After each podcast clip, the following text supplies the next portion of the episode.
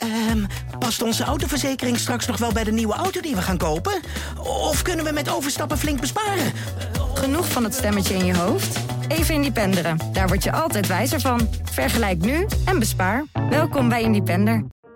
Welkom bij de podcast Wees Moedig, gemaakt door het Parool en het Verzetsmuseum Amsterdam.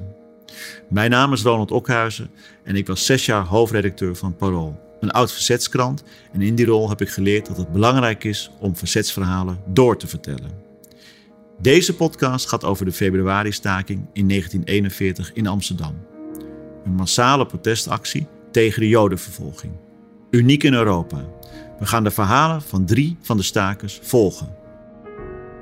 In deze aflevering maken we kennis met het verhaal van de familie van Joop IJsberg.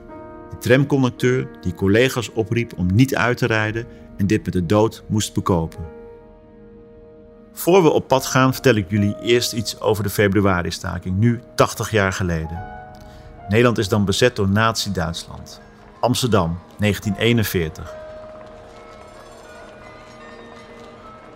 Op 25 februari leggen tienduizenden mensen hun werk neer om in opstand te komen tegen de Jodenvervolging. De aanleiding is een razzia op het Jonas Daniel Meijerplein, waarbij meer dan 400 Joodse mannen met grof geweld worden afgevoerd.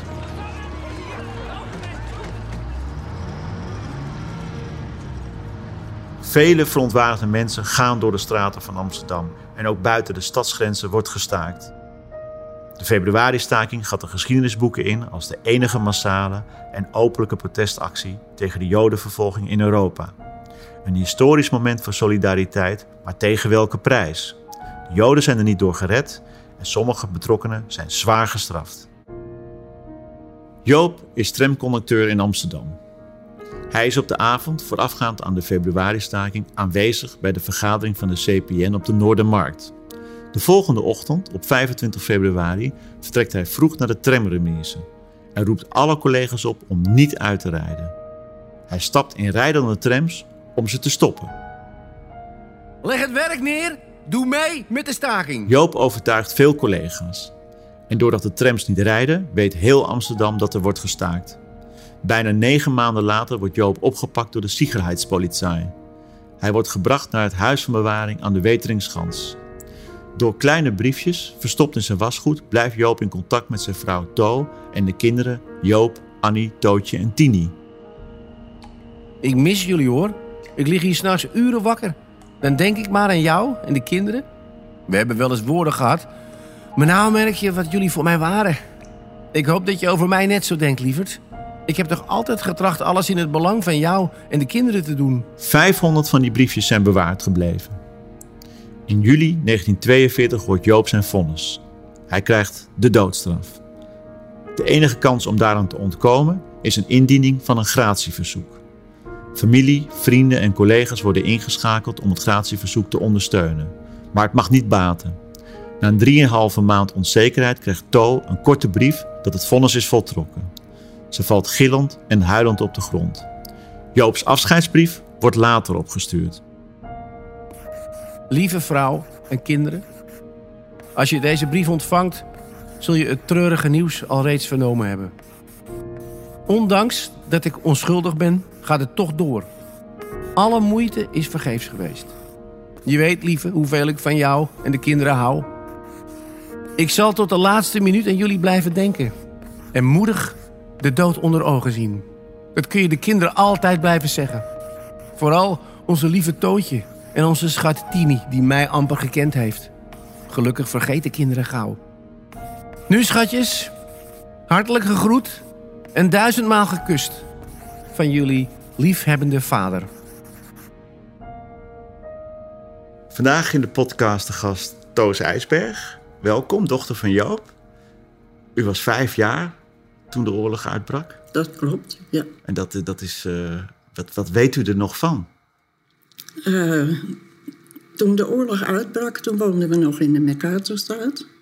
En we woonden daar op Driehoog. Dat is in Amsterdam-West? is in Amsterdam-West. Vlak bij de Hoofdweg, dus achter de Hoofdweg. En uh, wat ik ervan weet, dat is dat er op een gegeven moment soldaten door de straat liepen. En dat wij dus uit het raam eigenlijk stonden te kijken hoe ze voorbij marcheerden. Ja. En ik denk dat dat toen toch wel... Ja, toen was ik eigenlijk... eh, nou ja, kijk, het was vijf. Ik- eigenlijk was ik toen nog vier tegen vijf aan. En dat heeft natuurlijk toch wel een behoorlijke indruk gemaakt. Omdat ik het nog weet. Zeker. En ook omdat die oorlog natuurlijk voor, voor jullie gezin een, eh eh, rampzalig is geweest. Ja, Omdat Joop is eh, vermoord. ja, Ja, dus dat, dat, dat moet, dat moet, dat, dus het is die, die, dat beeld van die soldaten is verbonden aan natuurlijk dat grote dat persoonlijke zeker, leed. Zeker, ja. Ja. En, en die, heeft u nog herinneringen aan, aan, aan, aan uw vader? Nou, heel weinig. Ik denk dat het voornamelijk gevoelsmatig is. En ik heb hem natuurlijk nog gezien in Utrecht. En eh, Maar was dat in Utrecht?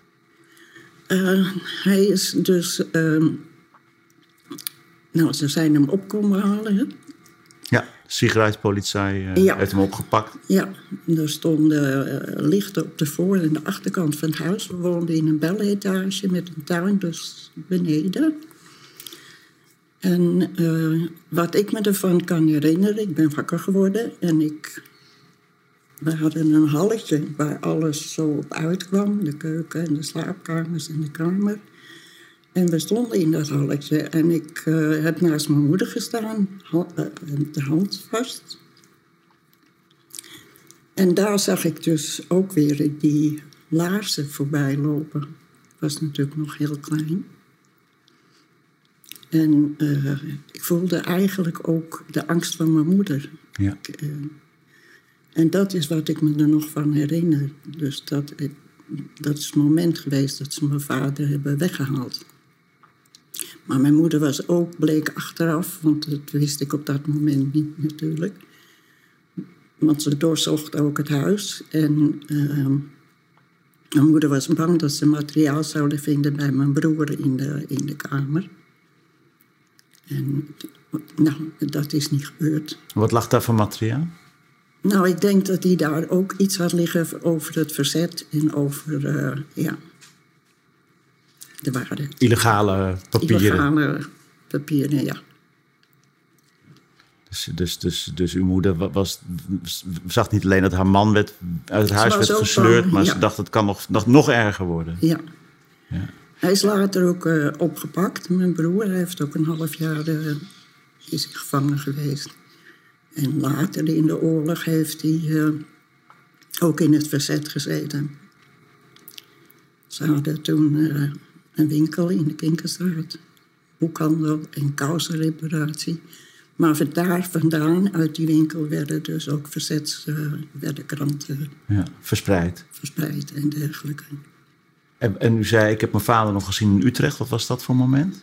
Nou, mijn vader is eerst eh, opgepakt in, Zat- eh, in Amsterdam. De, en Ging je naar de Weteringschans toch? de Weteringstrans heeft hij gezeten. gevangenis. Ja.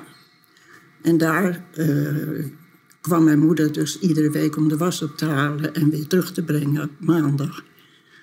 En eh, nou ja, ik heb al gezien dat ze dus in de keuken bezig was om een eh, tube uit te schrapen waarin iets van, ja, volgens mij leverpastei of iets dergelijks werd gedaan.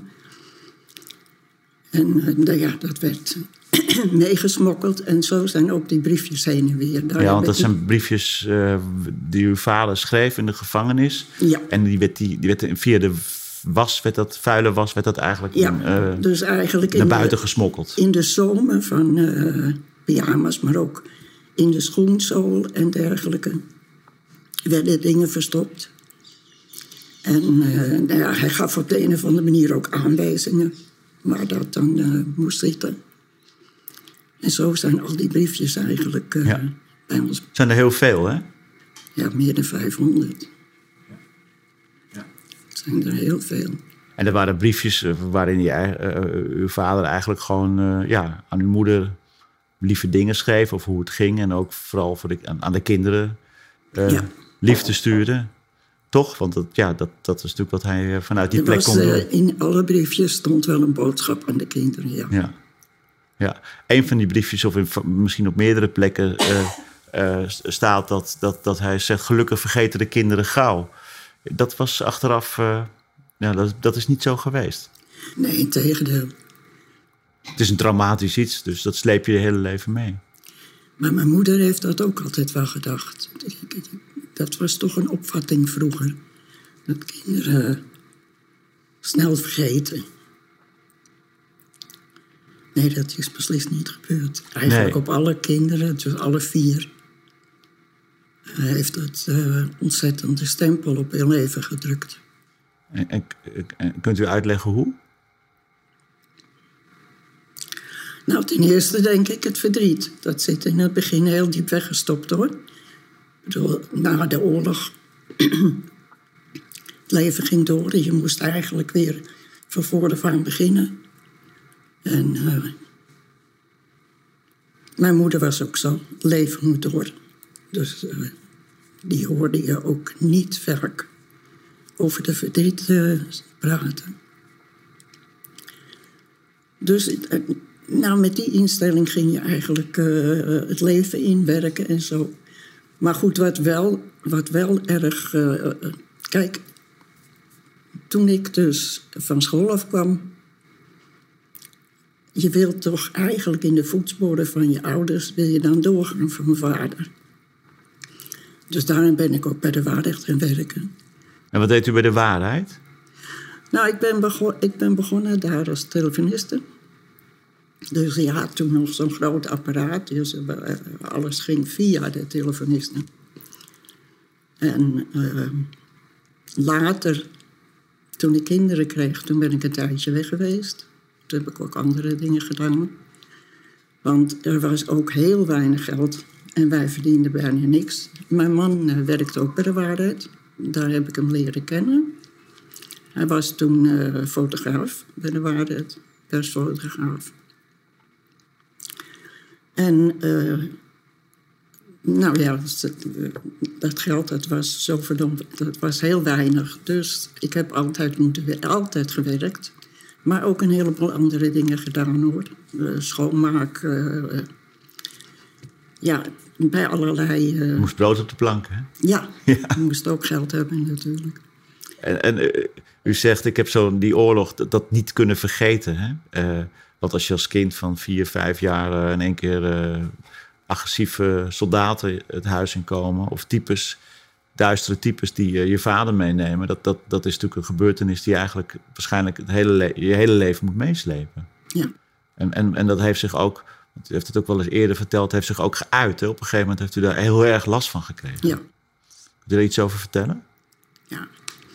Uh, op een gegeven moment uh, ben ik mezelf gewoon een beetje voorbij gelopen. We woonden toen al in Noord. En daar ben ik eigenlijk ook uh, in het buurthuiswerk, uh, dus via het buurthuis in allerlei uh, commissies en zo terechtgekomen. Maar tegelijkertijd was er in, in de buurt ook een initiatief gestart om een gezondheidscentrum te openen. Dat was een initiatief van een aantal hulpverleners plus buurtbewoners. En dat sprak me ook verschrikkelijk aan, want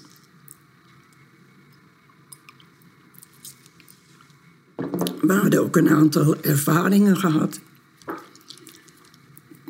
Waarbij uh, ja, de huisartsen waren in die tijd vrij. Dat was de huisarts, ja, de arts die zei het en jij deed het. En Precies, dat je had eigenlijk niets te vertellen. Maar een soort goden in witte jas. initiatief, dat ging er dan over dat er meer inspraak... dat er allerlei uh, aspecten betrokken zouden worden bij de gezondheidszorg. Dus sociale, buurtaspecten enzovoort. Dus ik heb me daarbij aangesloten en, uh, en ik heb er ontzettend veel tijd in gestoken. En dat initiatief is ook uitgegroeid in een prachtig gezondheidscentrum. Maar tegelijkertijd gingen ook allerlei andere dingen door. En mijn werk natuurlijk. De kinderen waren groot, dus toen werkte ik weer uh, wel nog steeds vrijwel een halve dag, maar toch heel veel. en ja, op een gegeven moment toen... Ik ging steeds slechter slapen. Ik kreeg een beetje nachtmerries. En uh, op een gegeven moment ben ik gewoon ingeklapt. Toen kon ik niet meer. Overspannen en, en, depressief, schat ik zo in. Ja, en toen heb ik, eh, toen heb ik eerst nog een hele tijd eh, heb ik, eh, thuis, eh, ben ik thuis geweest. En ik heb eigenlijk alleen maar een tijd kunnen huilen en wilde niemand zien. En toen heb ik op een gegeven moment dus hulp eh, via de huisartsen. eh, dus hulp gekregen en toen ben ik bij een psychiater terechtgekomen. En dat heeft ook wel, denk ik, nou, toch wel vijf, zes jaar geduurd. Ja. En hoeveel, dit, dit is, is het lang geleden? Ja, dat was in, even denken hoor, 80, nee, Ja, ja. Dus dat heeft zeg maar... 85 denk ik, zoiets. Ja, nou ja, dat is dus, eh, wat is het, 40 jaar na de oorlog. eh, Ja, zoiets. Pas eh, kwam dat er eigenlijk uit. Ja, echt hè. Ik bedoel, ik heb er natuurlijk altijd, want we hebben... Mee geworsteld. Ja, we hebben op een gegeven moment ook die briefjes weer gevonden. En die lagen bij mijn moeder thuis in de kast. Dat wist ik. Ik heb ze daar vaak zien liggen. Maar op die leeftijd hebben we nooit echt doorgelezen. En toen was mijn moeder overleden. Toen zijn die briefjes met mijn oudste broer meegegaan. Wanneer was dat? Mijn moeder is overleden in. eh, Even kijken, 83. Ja. En later, mijn broer is ook jong overleden aan een hartaanval. En toen zijn eh, op een gegeven moment die briefjes weer bij ons teruggekomen. Tini heeft ze opgehaald eigenlijk. En, Uw zus Tini. ja. en toen, eh, nou, toen zijn we ze gaan lezen. En ja, ik denk dat dat allemaal... dat- Dan komt er zo'n verschrikkelijke golf over je heen. Dus eh, toen ben ik geklapt en... eh, En u zegt dat heeft vijf, vijf, zes jaar geduurd, zeg maar, voordat u daar enigszins weer van eh, Ja. bent hersteld. Ja. In zoverre, dat, toen kon ik het plaatsen. Ik, eh, ik begreep mezelf niet meer. Ik begreep niet waarom ik eh, ja, toch aan de ene kant ongelukkig was. En, en die had om alsmaar elke avond weg. En iedere, eh, ja, alsmaar vergaderingen en bezig zijn. En, en denkt u zelf, want als ik dat zo hoor, eh, eh, kinderen opgevoed en al die baantjes en banen gehad en ook die verantwoordelijkheid genomen. Dat, dat, dat, heeft dat inderdaad te maken met het feit dat u wellicht denkt van ja, mijn vader heeft zoiets belangrijks gedaan. Ik moet mijn leven niet verkwisten. Ja, Dus het legt een enorme druk eigenlijk op u. Ja, ik heb het natuurlijk nooit als een druk ervaren, maar het is wel zo. Er zit wat op je schouders. En eh, het, het heeft gemaakt dat je eigenlijk altijd wel vindt dat je eh, ja, iets moet doen om de maatschappij dat je eh, te betekenis moet verbeteren. hebben. Op, op wat voor manier. Die van mij is heel bescheiden geweest. Ik bedoel dat. Maar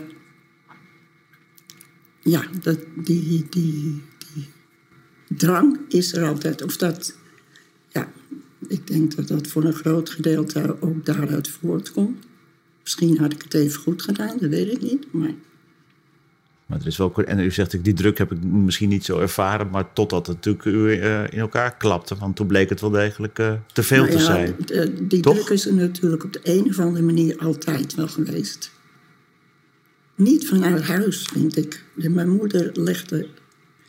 Je moest zelf echt beslissen wat je wel of wat je niet. Was altijd goed voor de, Je kon het eigenlijk nooit fout doen bij mijn moeder. En... eh, maar ja, er werd bij ons thuis ook altijd heel erg gediscussieerd. Eh, we waren altijd heel veel bij mijn moeder, alle vier. Een paar keer in de week, maar toen ik nog thuis woonde, dan was mijn broer er en mijn, mijn oudste zuster. En dan werd er s'avonds gediscussieerd. Over politieke zaken of over alles. maatschappelijke... De, de hele wereld kwam langs, eh, niet alleen politiek, maar eh, op allerlei gebieden. Ja, dat, ook dat neem je met je mee. Je bent. eh, ja, een gezin vormt je. Ja, zeker. En, en het, hoe, het lijkt me zo ingewikkeld, want u heeft eigenlijk geen vader gehad, want die, die is gefusilleerd toen u heel jong was. En tegelijkertijd was hij dus heel erg aanwezig altijd, ook door zijn rol tijdens de februari-staking. Hoe, hoe, was hoe, hoe, kijkt u daar nu op terug? Op, eh, als, als ik vraag, hoe kijkt u naar uw vader? Wat zegt u dan? Ja, ik ben heel trots op hem. Ja. Het is verschrikkelijk wat er met hem gebeurd is. Maar ik ben daar wel heel erg trots op dat hij de moed had en, uh, en het ook kon. Dat hij dus. Uh, hij had gewoon een eigenschap om mensen te kunnen overtuigen. Om mensen te vertellen wat wel of niet uh, belangrijk was. En ook het feit dat hij dat deed op het moment dat eigenlijk dus die jodenvervolging begon. Ja, want dat is natuurlijk... Ja, als je dat met ziet of hoort, dat is natuurlijk heel verschrikkelijk. En... Het aantal mensen dat echt is opgestaan was natuurlijk ook weer niet zo groot. Dat maakt het extra bijzonder. Ja, dat is altijd, hè, denk ik. Er moeten altijd een aantal mensen zijn die, die, daar, die daar tegen in opstand komen. Het is nooit heel. Kan massaal worden en dat is het natuurlijk ook geworden. Die staking is massaal geworden. De Duitsers hadden nog nooit zoiets meegemaakt. Nee, in heel Europa niet zelfs. Zo'n zo'n openlijk protest. En u zegt, ik ben heel trots op mijn vader. Dat begrijp ik. Tegelijkertijd is door wat, hij, wat die keuze die hij heeft gemaakt en wat er is gebeurd, heeft dat toch ook een uh, nogal, als ik het zo hoor, ontwrichtende werking gehad op het gezin. Hè? Ik bedoel, u, zegt, ik ben altijd, die druk is er geweest. U heeft daar later ook wel echt last van gekregen. Uh, u heeft ook wel een conflict met uw zus gekregen. Dus er zijn allerlei dingen ontstaan die, die het ook ja, tot de dag van vandaag moeilijk maken. Ja. En dat vergeten mensen misschien wel eens. Hè? Dat, want het, uh, mensen praten dan over uw vader als een held, maar het besef dat het voor de naaste uh, heel veel betekent tot de dag van vandaag, dat ik denk dat weinig mensen dat doorhebben. Klopt dat? Daarom is het ook zo verschrikkelijk dat er nog steeds over in de wereld zo vreselijk veel oorlog is, zoveel onrecht is. Ik denk daar altijd aan. Dan denk ik, god, al die kindertjes die die dat weer meemaken, die, die krijgen weer een trauma. Daar, daar gebeurt iets mee. Oorlog is gewoon uh, ja, ergste wat je kan overkomen, denk ik. Ja, en dat houdt dus niet op als de vrede uitbreekt. Nee. En hoe is, bent u daarna opgeknapt toen u zeg maar die therapie hebt gehad en, uh, en eigenlijk dat hele nou, oorlogstrauma naar boven kwam? Beetje, ik kon het een beetje een plek geven. Dat klinkt misschien raar, maar ik, be, ik begreep niet. Ik begreep mezelf niet meer. En, ik, en waarom ik dat. Uh, dus door die gesprekken. Uh, heb ik het ja, een plek kunnen geven. Kijk, ik raak het nooit kwijt. Uh, ik merk nu ook, ik ben nerveus. Ik word altijd weer zenuwachtig als ik erover moet praten. Maar ik kan er nu gewoon, ja, ik kan er redelijk goed mee leven nu. En wat betekent het voor u dat we nu, er is een expositie natuurlijk, Weesmoedig, in het Verzetsmuseum, deze podcast. Uh, het feit dat het verhaal van uw vader allemaal wordt doorverteld, is dat uh, voor u, uh, geeft dat een zekere voldoening? Ja. Ja. Niet alleen voor hem, maar voor al die mensen die op die manier toch verzet hebben gepleegd, het leven hebben moeten laten daardoor. Ja, ik denk dat je het ook nooit, nooit, er moet steeds over gepraat worden. Het moet steeds weer in herinnering gebracht worden. Mensen vergeten. Dus je moet, uh, ja. Heel belangrijk dat er uh, steeds aandacht aan wordt besteed en dat er een verzetsmuseum is in Amsterdam. Dat zeker. En, en u zegt ook, het is al met al uh, die, die, die, dat, die verzetsdaad van uw vader, die, die, die zo heeft geholpen bij de februari-staking, dat is natuurlijk, dat staat niet de discussie, heel erg de moeite waard geweest. Ook terwijl het bijvoorbeeld uw leven en dat ongetwijfeld ook van uw uh, zus en, en broer eh, enorm heeft beïnvloed. En eh, dat u het eigenlijk tot de dag van vandaag, en we zitten nu eh, eh, alweer heel erg veel decennia na de februari-staking, dat u dat met, met u mee moet dragen. Dat is dan het offer wat is gebracht. Dat is dan maar zo. Ja, ja. Ik had liever gehad dat, het niet, eh, dat hij niet... eh, Vermoord was, doodgeschoten. ja, maar... Het feit dat ze dat... eh, dat hij die, die stap genomen heeft... Ja... Dat is prima, dat hoort. Dat, En als u aan die briefjes denkt, hè, die u op een gegeven moment bent gaan lezen, wat, wat raakt u daar aan het meest? Nou, ja, dat vind ik heel moeilijk te zeggen. Het doet gewoon verschrikkelijk pijn als ik ze lees. Ik heb ook erg veel moeite gehad. Het duurde heel lang voordat ik het kon lezen. En nog steeds als ik ze pak en ik probeer er weer in te lezen, dan. eh, het is het verdriet van mijn vader, maar ook het verdriet van mijn moeder. Ik bedoel, ze heeft het, ze heeft het nooit zo eh, tegenover ons geuit, in ieder geval. Ik denk dat Annie en Joop daar veel meer van hebben meegekregen. Die waren ouder, hè? Ja. Ja. Ja, mijn eh, zuster, eh, mijn oudste zuster was 12 jaar ouder dan ik en Joop was 10 jaar ouder. Dus die waren echt in, eh, in de tienerleeftijd toen. En die hebben eh, mijn moeder enorm gesteund. En u heeft ook niet met uw moeder in die zin erover kunnen praten, want dat was in die tijd gewoon niet zo. Hè? Nee, dat is, het, dat is waar ik nog steeds spijt van heb. Maar ja, ik bedoel, ik was 33 toen mijn moeder overleed. Dus dat was ook nog heel jong natuurlijk. Toen was ik alle twee kwijt. En we waren in die tijd nog steeds druk met... Ja, er was na de oorlog helemaal niets. Ik bedoel, eh, je was zo, we waren zo arm. Je had, eh, zo weinig geld. En er was... eh, dus je, moest, je, moest, je was voortdurend bezig om maar voldoende te kunnen leven. Dus om, eh, om dat op te bouwen, om... eh, ja, Nee, het was besbikkelen en, en, en de wederopbouw, het land weer opbouwen. Ja, En het, ja. was, het was verder niet heel veel ruimte om nog eens terug te kijken op de pijn die er ook was. Dat was, dat was in die tijd gewoon. Ja. Er was geen tijd en geen ruimte voor. En we vonden dat toen ook niet normaal. Ja, we vonden het normaal om door te gaan. Om door te, gaan- altijd maar doorgaan.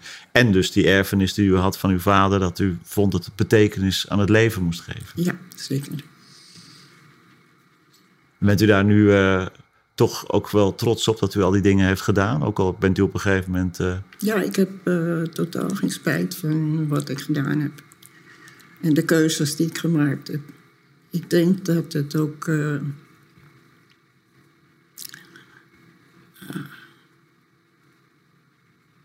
Dat je die keuzes maakt om eh, ook lid te worden van die partij en in die partij te werken en daar je best voor te doen.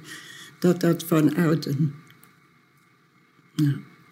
een zuiver gevoel is geweest. Een Voor ideaal. de meeste, een ideaal voor de meeste mensen. En die, die, die, die vriendschap, die kameraadschap die we dan hadden, ja, dat was geweldig. Ik bedoel, dat, we hebben ook hele mooie, hele fijne tijd gehad. Dus ja, nee, ik heb er helemaal geen spijt van. Ik vind het verschrikkelijk wat er uiteindelijk eh, nou ja, in de praktijk eh, van terecht is gekomen. Maar ik geloof nog steeds in zeg maar, de idealen van eh het communisme, de gelijkheid en de gelijke kansen voor iedereen. communisme. Alleen denk ik dat het heel belangrijk is dat je. dat er ook. eh, nou ja, dat je met verschillende richtingen in de politiek. in gesprek blijft. Hè? Dat je elkaar niet uitsluit, maar naar elkaar luistert. Want het idealisme dat iedereen op een gegeven moment eh, het goede wil, dat, eh, dat heb ik niet meer. Nee, dat bent u misschien al als kind kwijtgeraakt natuurlijk. Ja, eigenlijk wel. En toch heb ik toen later nog steeds geloofd dat uh, ja, als mensen door dat je het beter hebt, dat je een woning hebt, dat je werk hebt, dat je redelijk betaald wordt, dat je gewoon kan kopen wat je nodig hebt. Uh, uh, dus dat het goede in, in ieder mens zit. En ik denk bij de geboorte is dat nog steeds zo. Maar ja, dat stukje idealisme ben ik uh, wel kwijt. Dankjewel voor dit mooie gesprek. En jij bedankt voor het luisteren naar de podcast Weesmoedig. Meer weten? Bezoek de tentoonstelling Weesmoedig in het Verzetsmuseum Amsterdam. Nog te zien tot in de zomer van 2021. Kijk voor meer informatie op verzetsmuseum.org.